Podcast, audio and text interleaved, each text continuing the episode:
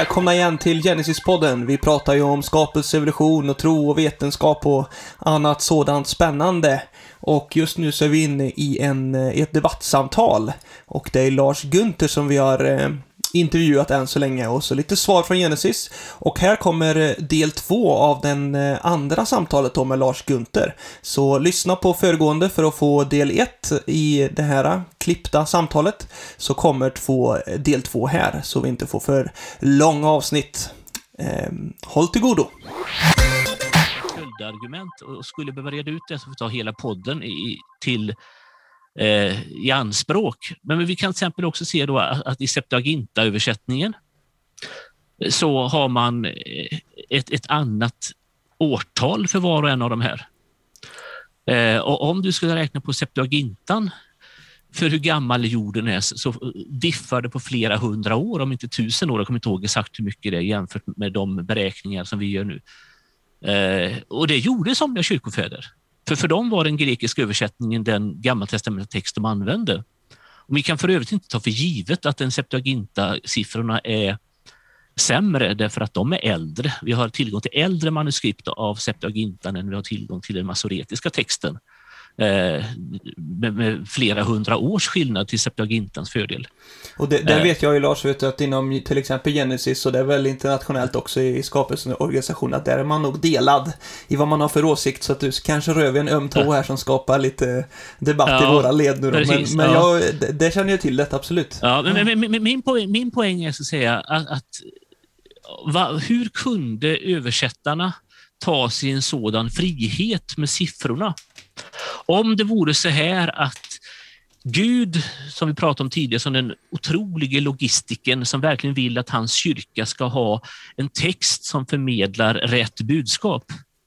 Hur kunde han göra så att eventuellt då i 500 års tid i kyrkans historia och när, när det var en väldigt formativ tid under fornkyrkans era, att ja, egentligen ända fram till Geronimus gjorde vulgatöversättningen och i östkyrkan ännu längre då, för de fortsatte läsa grekiska, att man hade felaktiga uppgifter. Om den matematiska kronologiska precisionen är det intressanta i texten, så borde väl Gud som den store logistiken ha hjälpt de där Septuagintöversättningarna lite, lite bättre.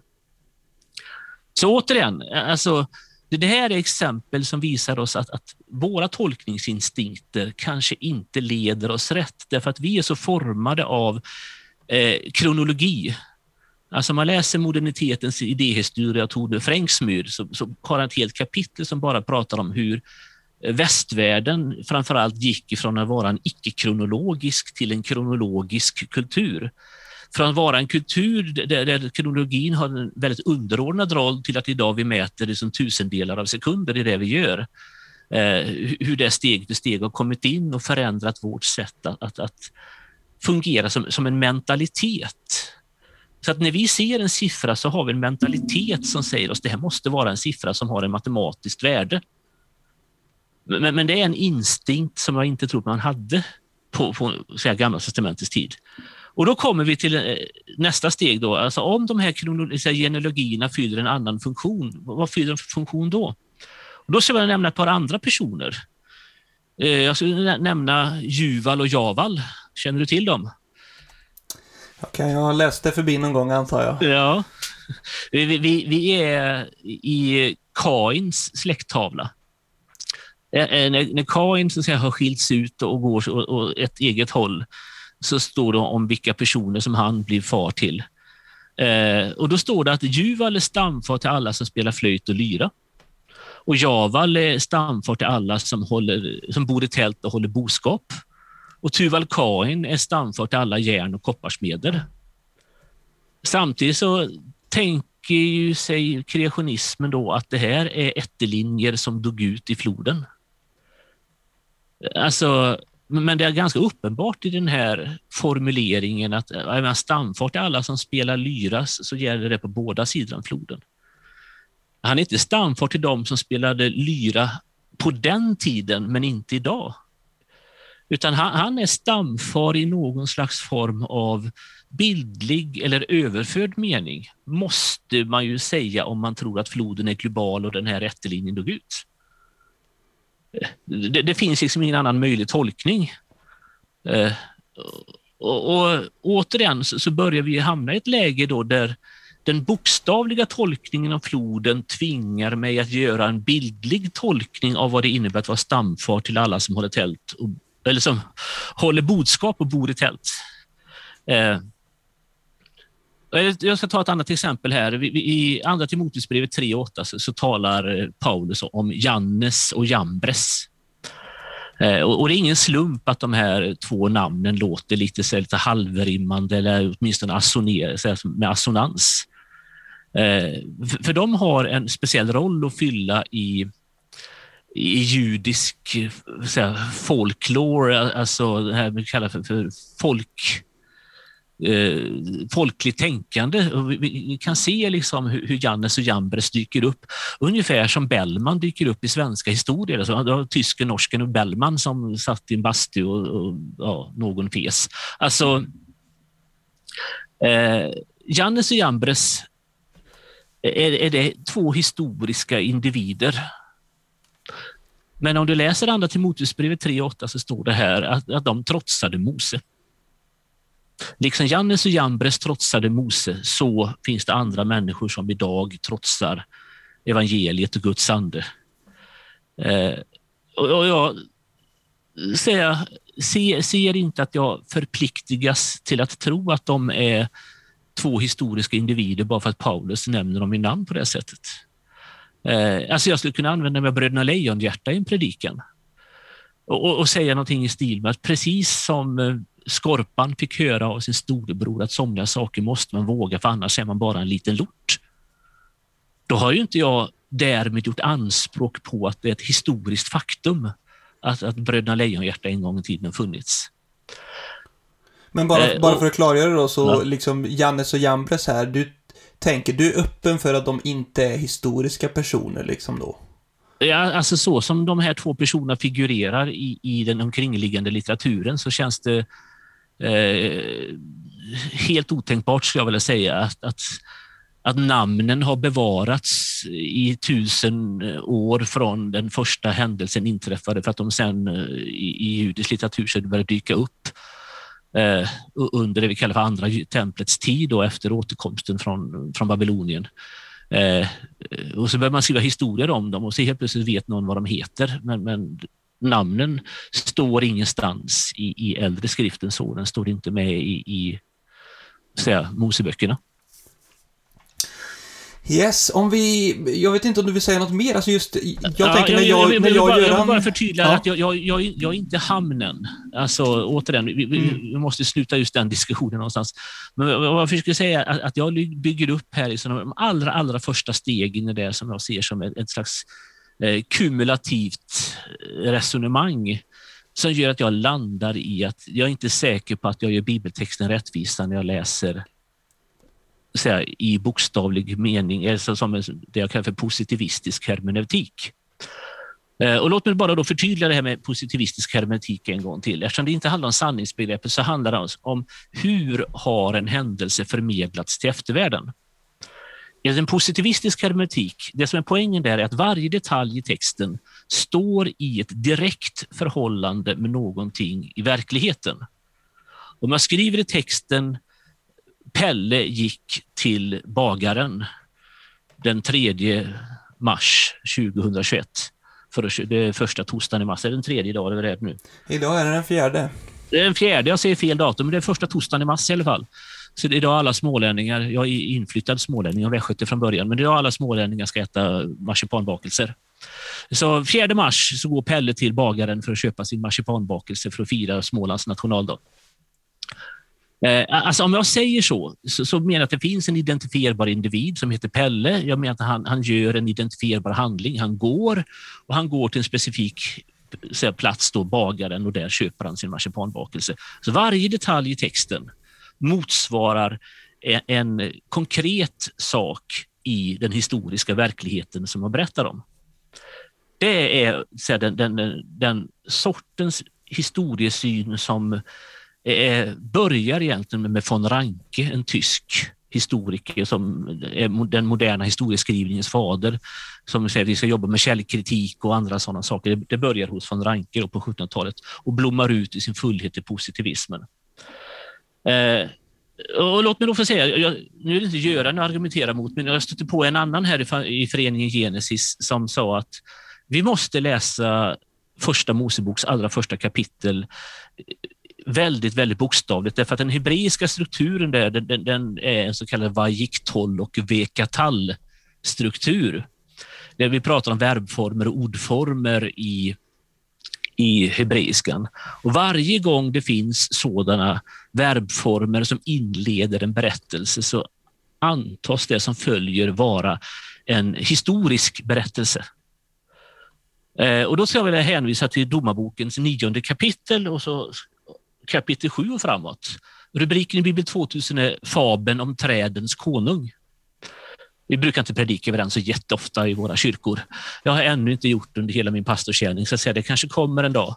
Men, men här har vi liksom en, en fabel om, om, olika träd och det ena trädet efter det andra föreslås bli kung över Israel och så till slut så väljer man någon. Och så kommer vers, eh, och nu blir jag lite så här, jag har mina terminalglasögon på mig. Vers 16. Hör nu på, handlar ni ärligt och hederligt när ni gjorde Avimelek till kung? Handlade ni rätt mot Jerubal och så vidare? Då, då, växlar texten och så blir den så att säga, en tolkning av liknelsen. Men vad vi har här då är att i ett antal verser så har vi en vajik 12 vekatallstruktur som i fabelform återberättar en historisk händelse. De här träden som nämns i liknelsen är i verkligheten människor. Så det här är en historisk text, men den är inte historisk så tillvida att varje detalj i texten med, med precision återberättar exakt vad som hände. Och här får vi facit då, för först berättas texten säg, i, i den här fabelformen och sen så kommer tolkningen. Vi har flera sådana ytterligare ställen i Bibeln, när Natan tillrättavisar David. Vi har den om liknelsen i, om vingårdsarbetarna, som är en liknelse som egentligen sammanfattar stora delar av hela Bibelns budskap och Bibelns historia. Det är en text som berättar historia. Och den är sann i sitt sätt att berätta historia. Men den är inte positivistisk, det vill säga den återberättar inte det här med, så säga, med frikoppling från bilder och symboler och sådant. Just det, det är precis, utan det är bildliga berättelser som kopplar till någonting i ja, verkligheten. Och, och då menar du att den här, mm, i första Mosebok här, liksom då i början, så finns den här äh, verbstrukturen, eller vad du pratar om där, den finns ja, likadant då, då, då, i, då, då, då, i den här säga texten. Mitt, mitt, argument är så här, mitt argument är ett motargument. Eh, alltså, vet du, det, eh, det var väl Varför tror inte alla på Darwin? Jag och namn, en av dina kollegor som Johnny Bergman. Johnny Bergman, det var han som skrev det här i en Facebook-debatt. Att jag har en Vajik 12 tallstruktur och därför ska du läsa det här som en historisk skildring. Eh, och då säger jag nej, Vajik 12 tallstrukturer inleder inte alltid historiska skildringar som är den här enkla, bara återberätta vad som händer rakt upp och ner. Här har en, så mitt argument är negativt. Mitt argument är så att säga inte att varje 12 vekatallstrukturer inleder bildliga texter. Utan mitt argument är att de kan inleda både bildliga och mer bokstavliga texter. Så att jag, jag ifrågasätter så att säga inte att de kan inleda en, en bokstavlig skildring, men jag ifrågasätter argumentet att det som följer med nödvändighet är en bokstavlig text. Och det är där Jonny Bergman hade fel i den här Facebook-debatten. Nu är det synd om honom som får dyka upp i en diskussion som egentligen har med Göran Schmidt att göra. Men, men, eh, men min poäng är alltså den här. När jag tittar på första Mosebok, de första kapitlen här, finns det då drag i de texterna som tyder på att det här inte är en säga, historieskrivning enligt den säga, princip som påbörjas hos von Ranke och, och, och får sin fulländning i, i den positivistiska säga, sakprosan under 1800-talet. Men om man, ta... mm, om man tänker, om man ja. tänker liksom från Abraham och framåt, det är väl klassiskt hos, eh, Ja, att man tänker Den, den att närmar det är... sig. Den, ja. den närmar sig. Alltså, alltså jag skulle säga att den, den renodlade positivismen hittar vi ingenstans i Bibeln, inte ens i evangelierna. Eh, väldigt, väldigt snabbt exempel. Hur många personer var det som Jesus botade på väg in till Jeriko? Var det en eller två? Ja, jag, eh, jag kommer inte ihåg vilka exakta Ja, texter Matteus säger att det är två personer som sitter vid vägkanten. Lukas och Markus har en person sittande vid vägkanten. Eh, Nu kommer jag inte ihåg vem som är vem här, men två av evangelierna säger att det är på väg in till Jeriko och ett av evangelierna säger att det är på väg ut från Jeriko. Enligt positivismens ideal, där man måste ha den här enorma precisionen, om man ska dra den till sin spets, så har vi här ett stort problem. Och Det finns faktiskt vissa som har försökt försvara Bibelns inspiration genom att säga att det här är två skilda händelser. Eh, e- e- en av dem, Harold Lindsell på 70-talet, som var, skrev en mycket inflytelserik bok om bibelsyn. Han hade sitt specialexempel då, hur många gånger gol tuppen när, när Petrus förnekade. Och då har vi ett evangelium som säger en gång, ett evangelium som säger två gånger och ett evangelium som säger tre gånger. Och på något vis när Harold Linsel försöker skapa en slags kronologi över det här för att undvika en skenbar motsägelse så har han dratt en lans för tolkningen att tuppen god sex gånger. Eh, och till slut blir det liksom absurt när du försöker försvara en, en, en eh, så här, den här hermeneutiken, den här tolkningsläran när den egentligen inte är den som Nya testamentets författare i det här fallet omfattar. För de, de lever i en tid där man har liksom friheter att stuva om mer. Och det höll Göran med om. Så nu, nu argumenterar jag inte mot Göran på den punkten när det gäller evangelierna. För där var han mycket tydlig att han också ser att den Nya testamentets författare har så att säga, en frihet att göra vissa omstuvningar och, och andra sådana saker. Men eh, vad jag försöker komma till rätta med, det är så att säga den här att för oss som lever efter 1800-talet så har synen att en detalj i texten ska motsvara en detalj i verkligheten och nästa detalj i texten ska motsvara en detalj i verkligheten. Det synsättet att läsa en text har blivit en del av vår mentalitet. Det har blivit en instinkt hos oss.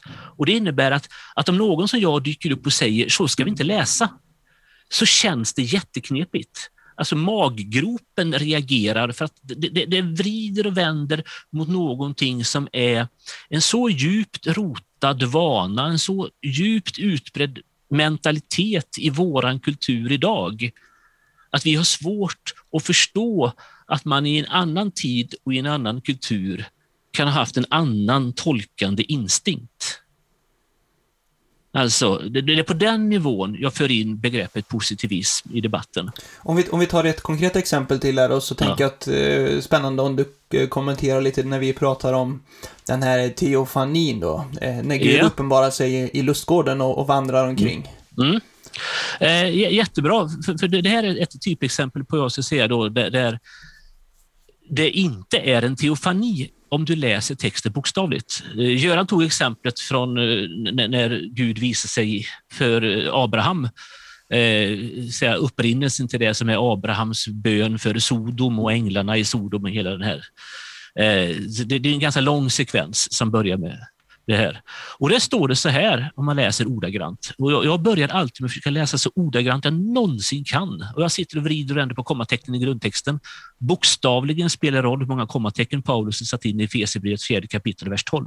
Är det ett eller två kommatecken så ändrar det på betydelsen av den versen. Sen fanns lite- det väl inga kommatecken från början va? Nej, precis. Exakt. Det är det som är det jobbiga. Kommatecknen är en Men vi efterhandskonstruktion. tar första Mosebok 18 i alla fall. första. Mosebok 18 så står det så här, Herren visade sig. Och det här ordet visade sig, om man, om man spårar det i hebreiskan så, så, så är det ett, ett, grundbetydelsen av ordet det är att se. Det samma, samma grundstam av ordet används till exempel i första kapitlet, den sa att Herren såg att det var gott. Som kommer som en en upprepad, Herren gjorde det här och han såg att det var gott och han skapade det här och han såg att det var gott och han skapade människan och han såg att det var mycket gott. Så samma ord som används för att se kan också betyda då visa sig eller en, en lätt en modifierad form av ordet. Jag är ingen hebraist, så jag ska inte liksom säga att jag kan det här i fullständig detalj. Men poängen är alltså att i den här, när Gud visar sig för Abraham så har vi den inledningen. Men när vi kommer till första Moseboks tredje kapitel så står det bara så här, Herren vandrade i lustgården. Det står inte att Herren visade sig i lustgården och sedan vandrade. Det här är alltså en, en bokstavlig skillnad där jag säger att ska du läsa som det står, och då är det en god idé att man börjar med lågstadiet. Säga, ta, om du vill tvinga dig själv att läsa som det står, ta ut satsdelarna. Subjekt, predikat. Och jag är så gammal så jag fick lära mig att det heter akkusativa objekt och dativa objekt. nu för tiden säger kidsen andra saker. Nu är det direkta objekt och indirekta objekt, tror jag. Va? Eh, så att eh, när det står Herren vandrade i lustgården, då är Herren subjekt, vandrade predikat och sen har du då en, en lokativ, alltså en, en platsangivelse som ett attribut. Eh, då, då är det faktiskt en skillnad i texten jämfört med Herren visade sig. Men, men och, menar du då att texten, du skulle säga att texten inte säger att Gud visade sig fysiskt? Eller vad, för det blir ju, när jag och Göran pratade så var ju det våran kontenta att vi ser inga problem med att Gud visade Nej. sig fysiskt. Ja, Nej, men, men, men då, då är vi tillbaka på det här. Det, det här jag försöker nu dra en lans för att första Moseboks tredje kapitel mer ska läsas som fabeln om träden i Domarbokens nionde kapitel. Det vill säga att, att det är inte en återgivning av ett skeende på det här sättet.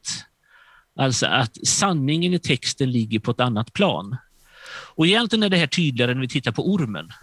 När ormen introduceras så står det så här, satsdelar. Ormen var ett listigt djur. Ormen, subjekt, var predikat. Frasen ett listigt djur är predikatsfyllnad som helhet. Och där har vi ett attribut, listigt som vi kan, för att göra det här enklare, ta bort. Ormen var ett djur, står det först. Resten av, av Bibeln, när den återberättar eller, eller alluderar till den här händelsen, eh, vilket den ju snarare alluderar än, än återberättar, tolkar ormen som en änglalik gestalt, en, en eh, fallen ängel Eh, Eh, språkbruket återkommer i till exempel när vi läser i, i Hesekiel och, och, andra ställen där det står om eh, de här berömda texterna om morgonstjärnan och liknande som har satt sig upp mot Gud och vill sätta sig på Gudaberget och så vidare. Det där finns det så att säga, eh, tydliga kopplingar mellan Första Moseboks tredje kapitel och, och de texterna där. Vill man läsa mer om det här så rekommenderar jag Michael Heiser som är ett nytt stjärnskott på den exegetiska himlen som beskriver väldigt mycket om gudaväsen, demoner och änglar och sådant i Gamla testamentet som är tar det här på djupaste allvar men också är, så att säga, jobbar med goda exegetiska metoder. Och ibland är han lite spacig och jag, man kanske inte köper precis allt han säger, men det beror på att han är lite pionjär och pionjärer är ofta lite flaky, speciellt i kanterna. Men, men, men, men alltså, han visar väldigt tydligt kopplingarna mellan de här Lucifer-texterna hos profeterna och Första Moseboks tredje kapitel. Eh, som gör att, att det är fullt rimligt att tro att, att det här är djävulen själv. Det är inte en orm. Det är inte så att säga, en animalisk varelse av, ordningen Serpentes, eller klassen Serpentes. Du tror alltså inte att det var en besatt orm, utan att Nej. det är en, en omskrivning av djävulen? I allra högsta grad. Och, och, och, om du ska tro att det är en besatt orm, så stöter du på väldiga problem. För, för det första har du lagt till någonting i texten som inte står där. Det står i, många brukar jämföra det med Biliams åsna. Men det är väldigt, väldigt tydligt att det är Gud som talar genom Biliams åsna. Men i första Moseboks tredje kapitel så står det att det är ormen som säger. Ormen talar. Det står inte att Satan talar genom ormen. Så då har du redan börjat göra det vi kallar för eisegetik, att du lägger in någonting i texten som inte står där. Eh, och om du tror att, att det gick till så här att rent fysiskt så fanns det en orm som slingrade i ett, ett träd, det kanske han inte gjorde för på den tiden hade ormen ben då tänker man sig kanske. Men, men att det finns ett kräldjur och, och, så kommer Satan in i det kräldjuret, ungefär som demonerna far in i grisarna när den demonbefrielsen sker i gerasenernas land. Eh, alltså man tänker sig att det är något sånt. Eh, då, då har du lämnat det som står i texten. Då läser du inte den bokstavligt längre. utan du gör ett tillägg ovanpå det som står där. Och Sen är det dessutom så här att det slutar med att ormen förbannas. Och, och varför är en stackars orm som bara har en reptilhjärna och mycket lite eh, järnbark av annan slag. Eh, varför ska en sådan varelse förbannas för att den har råkat bli besatt av djävulen? Alltså, men, men ormen hålls ansvarig som en moraliskt ansvarig varelse. Och ormen kallas för listig när den introduceras. Ormen var ett listigt djur. Det står inte att ormen var ett besatt djur. Ormen var ett djur som så att säga, kan tala och som har förmågan i texten att så säga, locka människorna till fall. Och då, då börjar jag med att läsa det här, återigen, nu blir jag lite tjatig, men, men så, så bokstavligt jag bara någonsin kan. Därför att jag behöver så att säga, inte sätta på mig glasögon som en gång ska harmoniera det här med Eh, en, en yttre verklighet. Jag kan låta texten stå på sina egna ben. Men sen så förstår jag att den här texten talar om ett fall, att den här texten talar om en förändring av människornas villkor, att den här texten talar om att människan får sin tillförsel av liv, säga, eh, avklippt ungefär som man klipper en avelsträng då bildligt, eh, så att hon inte längre har tillgång till att äta av livets träd. Eh, men, men, men återigen så, så ser jag inte det som att det fanns en, en träd som du kunde knacka på och eventuellt såga ner och räkna årsringar. Det hade varit en väldigt dum idé naturligtvis. Men, men eh, alltså, det finns i sig ingen, ingen anledning för mig att se att livets träd måste vara bokstavlig. Och hittar vi Livets träd i Uppenbarelseboken så står det så här, trädens blad är läkemedel för folken. Jag trodde vi skulle ha uppståndelsekroppar i evigheten kan en uppståndelsekropp bli sjuk? Alltså varför skulle jag behöva läkemedel i evigheten? Det, det går liksom inte ihop.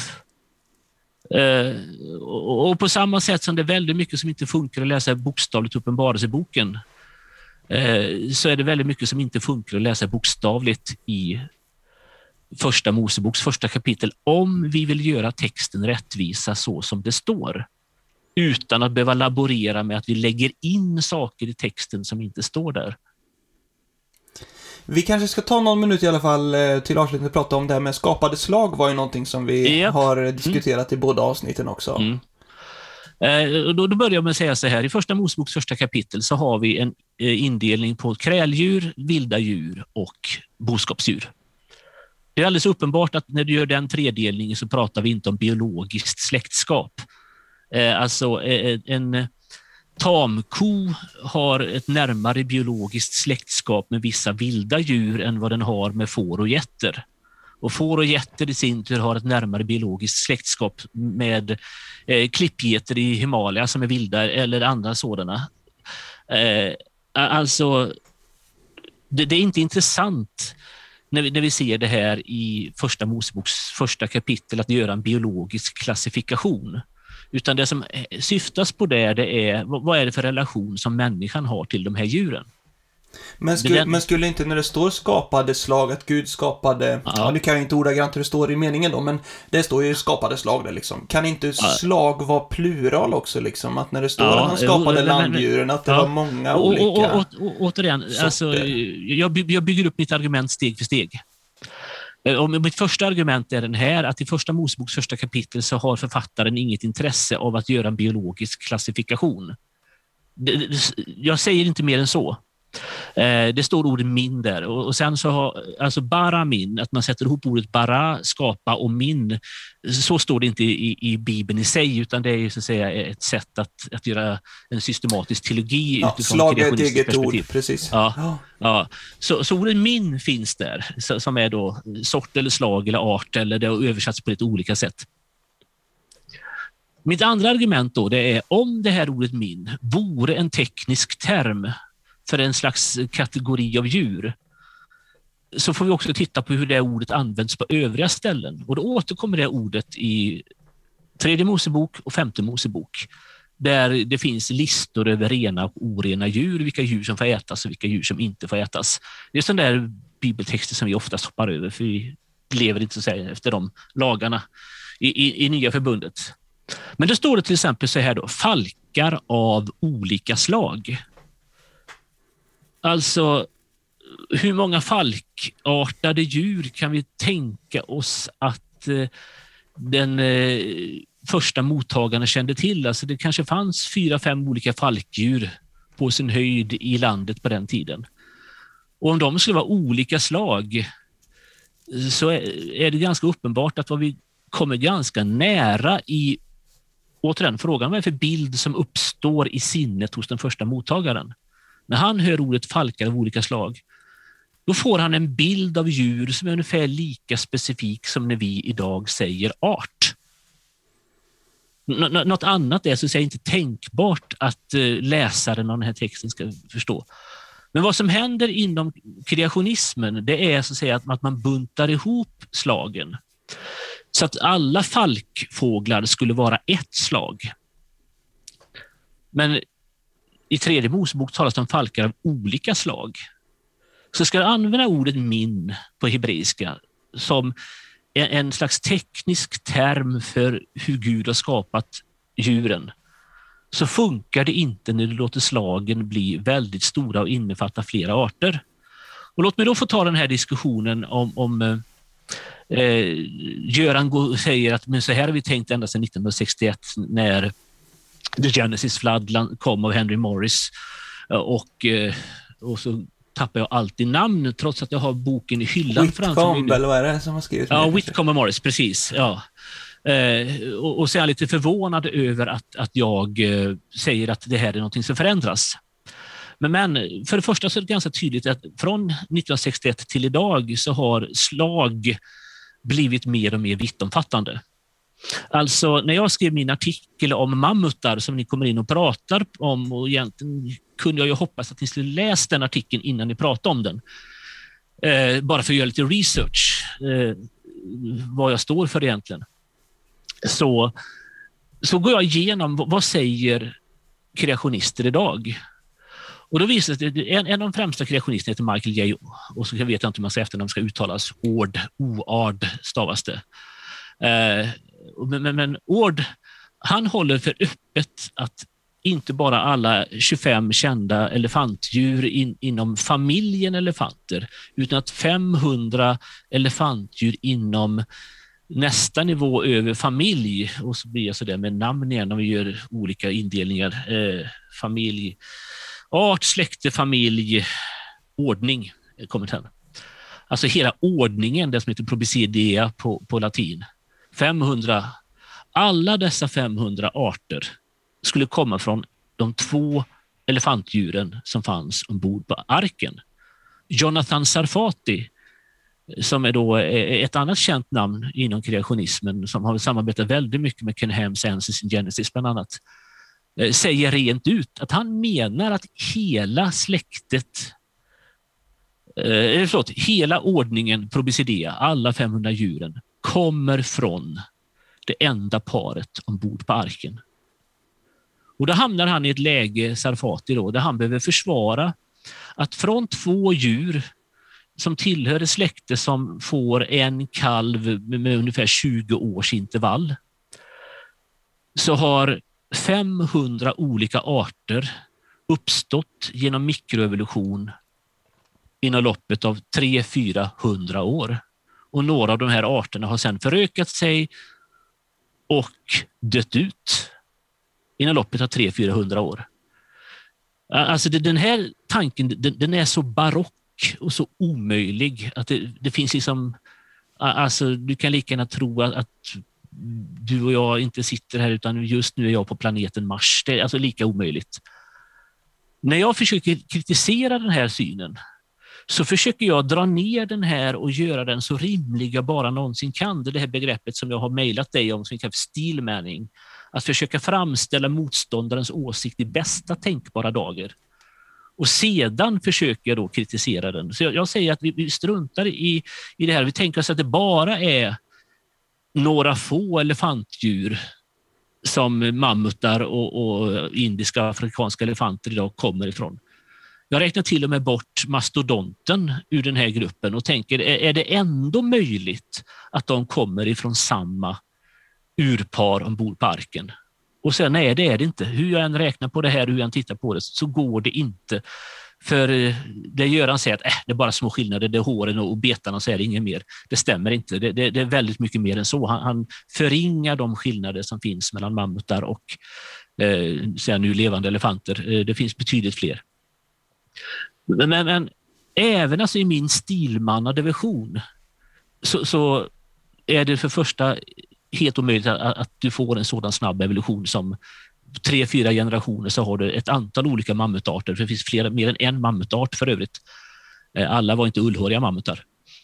Eh, du har Columbia-mammuten till exempel som en, en, variant på detta. Och så ska de ta sig eh, upp till Nordamerika och det är istid och annat som är i vägen. Alltså det, det, läs artikeln i sin helhet säger jag och inte bara höra mig bluddra nu. Precis. Men, får, min, min poäng, ja, min poäng är alltså den att alltså det är väldigt tydligt att, att när Ord och Sarfati idag laborerar med att, att kanske ända upp till 500 olika elefantdjur skulle kunna vara en skapad ordning, så är det en bredd på ett skapat slag som, som eh, inte man tänkte sig 1961. Och Sen vill jag backa ytterligare ett steg, före 1961 och se vad man sa då.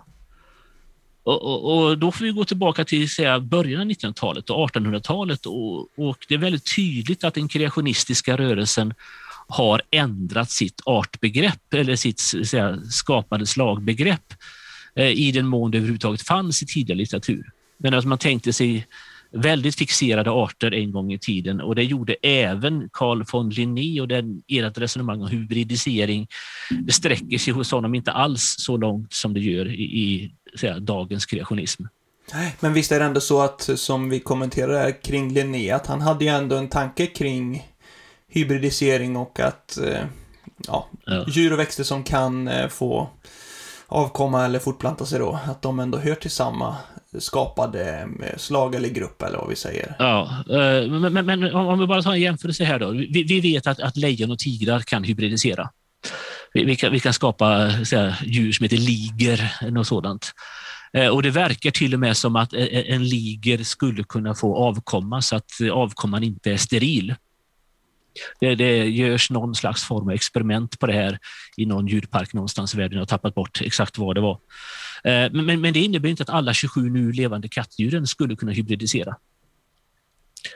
Alltså, eh, om, om, vi tar ett djur som ligger betydligt längre bort ifrån lejonet, om vi tittar på den eh, nordamerikanska puman.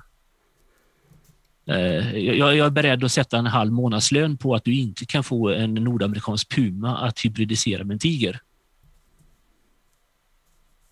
För att det genetiska avståndet mellan puman och tigern är för långt. Och vad heter det? Det anses ändå tillhöra samma skapade, eller samma skapade slag enligt Ansys in Genesis.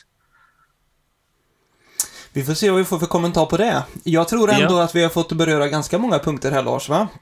Det finns naturligtvis jättemycket vi skulle kunna säga som, som inte har blivit sagt eh, och, och, liknande sådana saker. Eh, och jag säger som jag sa inledningsvis, Eh, jag tror inte att den här podden har en eh, åhörarskara som står upp och gör vågen av hänförelse över att höra mig prata. Eh, men jag hoppas och önskar att kanske åhörarskaran tänker att den här Lars Gunther ja, vi behöver i alla fall inte döma ut honom som, som stendum villolärare i första taget. Har vi kommit dit så har vi kanske kommit en liten bit på vägen. Vi tror att alla argument eh, ska prövas. Det hoppas ja. vi på. Så får vi se vart det tar vägen. Men eh, vi får landa här nu, så eh, tackar jag så mycket Lars för att du var med och, och spelade in. Ja, tack så mycket för samtalet, säger och jag. Och får hälsa en fortsatt härlig dag till Hästra och även övriga Sverige då där våra lyssnare finns. Ja, och det gör jag naturligtvis också. Det är gott. Ha det så bra och tack så mycket. Ja, tack. Hej då på er.